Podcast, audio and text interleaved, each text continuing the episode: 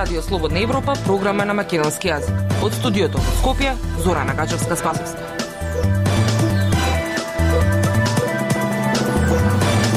Почитувани, Густин во неделното интервју на Радио Слободна Европа е председателот на Конфедерација на слободни синдикати на Македонија, Благоја Ралповски. Со него разговаравме за најавените мирки на здравствените власти за невакцинираните против COVID-19 во јавната администрација, како и за минималната плата, но и недонесениот закон за неработна недела за работниците. Слушајте на.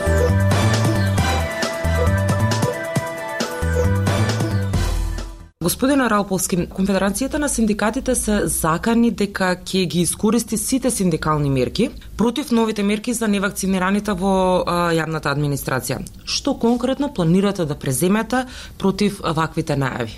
Значи, пред се мораме да кажеме дека ова што го најави Министерството за здравство, тоест министерот Венко Филипче, е сосема неуставно и дискриминирачки и не може со уцена да се тераат вработените во јавниот сектор или било кој работник да се вакцинира за да може да влезе на работно место. Тоа е забрането со устав, забрането со закони. Прочем и во Европскиот совет, која е најстара европска институција, донеса резолуција каде што кажаа дека вакцинирањето треба да биде доброволно. И сега наеднаш како гром од ведно небо доаѓа уцена до работниците кои што не се вакцинирани, не можат да одат на работа доколку не бидат вакцинирани. Работниците во јавниот сектор се најсиромашните работници, кажавме дека 70-80 илјади од тие вработени зимаат минимална плата и да ги оптоваруваме со ПЦР тестови за да а, можат да, да одат на работа, мислам дека не е ни хумано, ни човечки, тука се кршат и основните човекови права и затоа ние велиме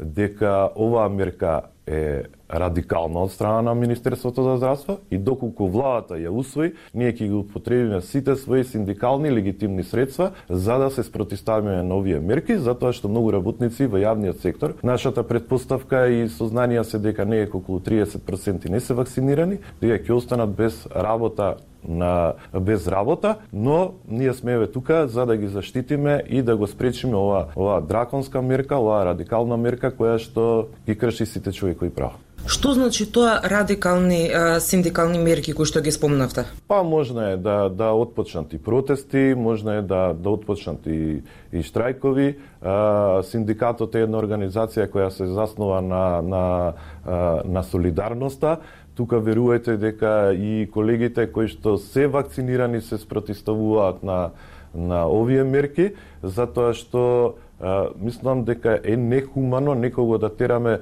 со сила да го прави нешто што со закон не е одредено.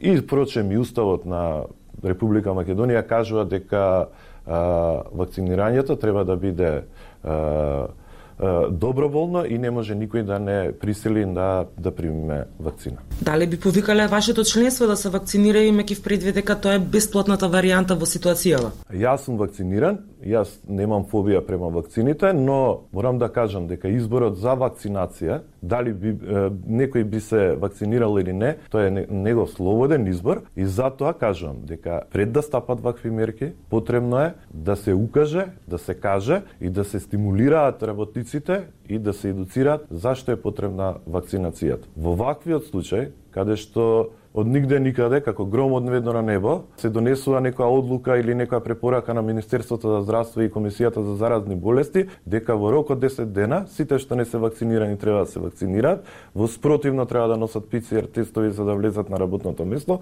Мислам дека е ова нити уставно, нити законски, а пред се не е ни е, човечка мерка. Ако се бара слободен избор за едни работници, а, каков е вашиот предлог како да се заштитат сите работници? Нормално е. Значи, треба да се отвори една дебата, треба да се отвори еден диалог.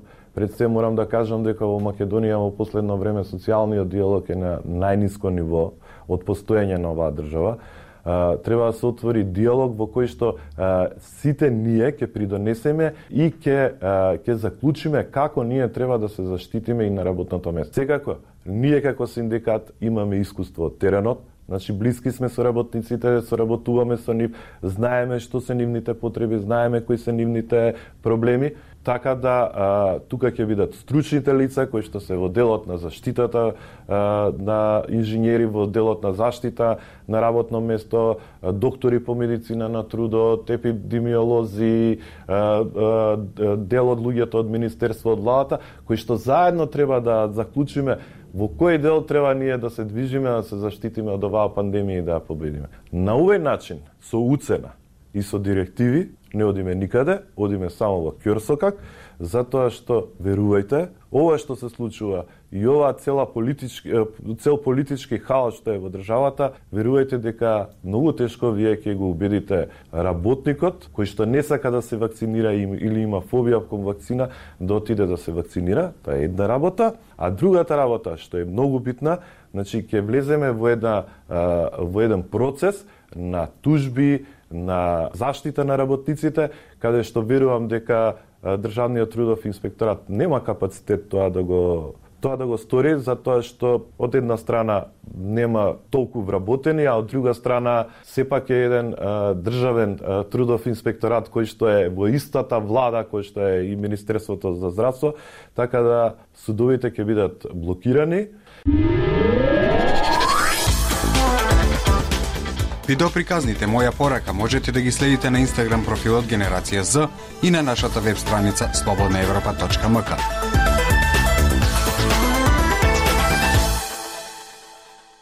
Синдикалната потрошувачка кушничка покажува дека работничката плата не може да ги да го следи растот на на цените. А, што е необходно да се направи веднаш пред да поскапе и струјата? Точно е дека треба да се покачи минималната плата. Во Македонија не е дека околу 110-120 илјади работници примаат минимална плата. Тоа се работниците од трудоинтензивните дејности и работниците во јавниот сектор. Додека во адми, јавната администрација, административните службеници, пред се, морам да кажам еден податок што за да ви биде појасно како како е поставена и која е која е структурата на вработени во во јавниот сектор. Например, 130.000 кои што се под буџетот на Република Македонија, од прилика 48% од вработените се со средно образование или пониско образование. Тоа значи дека тие работници, нивната плата, според каталогот на работни места, систематизацијата и бодот кој што го одредува владата е 13.400 за помлад референт до 16.600 за самостоен референт. Тука помеѓу имаме уште две категории, тоа се референт и виш референт.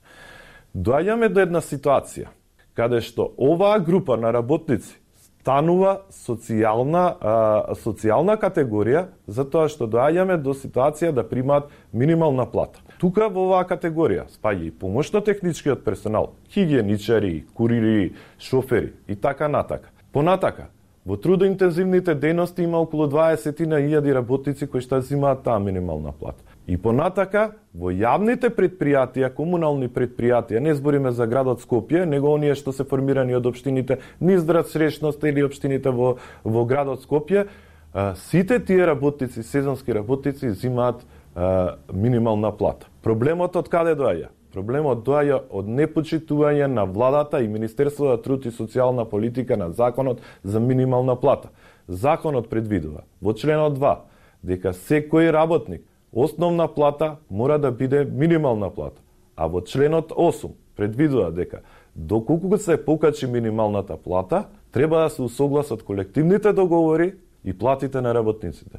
Дали сме ви, сте вие сведоци дека ние излегувавме по улиците и баравме усогласување на платите согласно минималната плата? Ако еден наставник во основно образование при основна плата со колективен договор од 10.000 денари, доека беше 10.000 денари, него, ова 9.300, неговиот коефициент на сложеност е 2.503, изимал 20.000 денари плата, сега доаѓаме до ситуација каде што таа минимална плата треба да се помножи со тој коефициент и еден наставник да зима 37.000 денари плата. Тоа важи и за административните, тоа важи и за вработените во јавните предпријатија, тоа важи и за оние акционерски друштва кои што ги формираше државата, а верувајте, нигдека по вертикала не се усогласени платите. И доаѓаме до еден хаос, нурамни ловка, каде што државата го направи и сега не знае како да го реши и бара помош од приватниот сектор за да се покачат платите 18.000, минималната плата 18.000.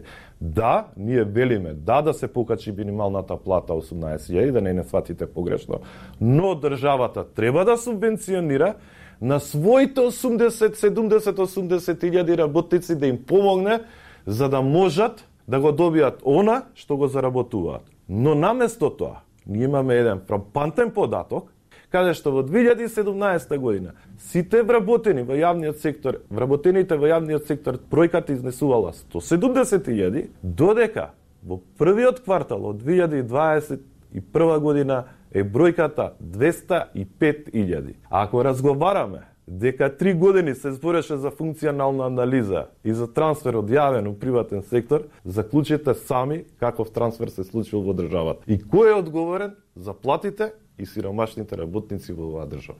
Пандемијата со COVID-19 донесе силни предизвици во јавниот и во приватниот а, сектор.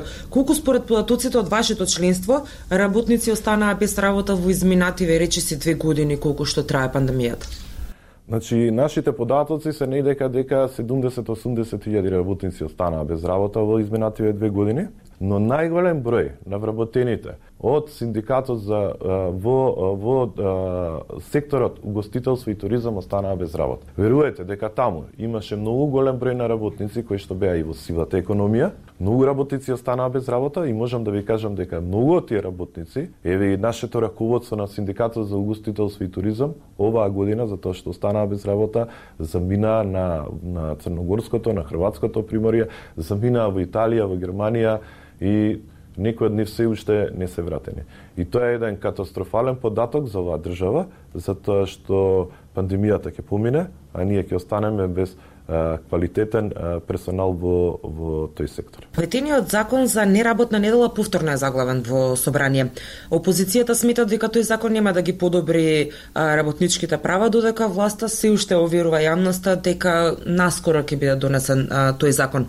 Каков е вашиот став по ова прашање? Точно е дека овој закон во оваа форма нема да ги подобри правата на работниците, затоа што дава можност сите работници да работат. Почаат со 32 дености, стигнавме до 38 дености, па на крај 42, па помошни дености, па услужни дености на, на тие дености што треба да работат. Кажува, ние, нашиот став беше дека ниеден работник не треба да се дискриминира, сите треба да бидат исти, Ако му давате можност на некој да работи во недела, на пример, како што направи министрот за економија под притисок на големите молови, да го бајпасира законот за работни односи, и да направи да стави во законот во законот за трговија дека може моловите да работат и големите маркети во недела од 10 до 18, а ќе бидат платени со плюс 100% дневница. Значи тоа беше наш предлог кој што го баравме да биде во законот за работни односи и да важи за сите работници. Морам да кажам дека од една страна имаме популизам, каде што министерката кажува готов е законот за работни односи, ќе биде модерен европски закон, а ние трчаме сега да направиме измени во законот за, за работни односи во делот на неработна недела. Не ја разбирам потребата и не разбирам во кој дел ние не разбираме. Дали е готов законот или не е готов законот. Дали треба да биде во, ова, во ваква форма неработна недела или во вистинска форма неработна недела. И затоа еве, Ние сме на ставот дека ваквата форма на овие измени на овој закон нема да придонесе ништо, туку ќе придонесе само за манипулација на работникот. ССМ најави генерален штрајк доколку за еден месец не се донесе. Ќе ги поддржите, ќе им се приклучите или ќе стоите на страна? Ние секогаш ќе поддржиме синдикат кој што ќе протестира. Никогаш нема да бидеме штрајк брейкери, впрочем и тоа е нашата улога, за разлика од нив кои што не им се допаѓа нашите протести. Еве, ние јавно ќе ги поддржиме во, во, во нивните барања и бараме јавно да не поддржат во нашите барања. Затоа што сите тие барања на крајот на денот се барања на работниците и на, на членовите и на ССМ и на КС. Нека одлучат сами. Тоа беше се што ви подготвивме за оваа емисија. Со вас од студиото во Скопје беа Зора Нагажевска Спасовска и Дејан Балаовски. До слушање.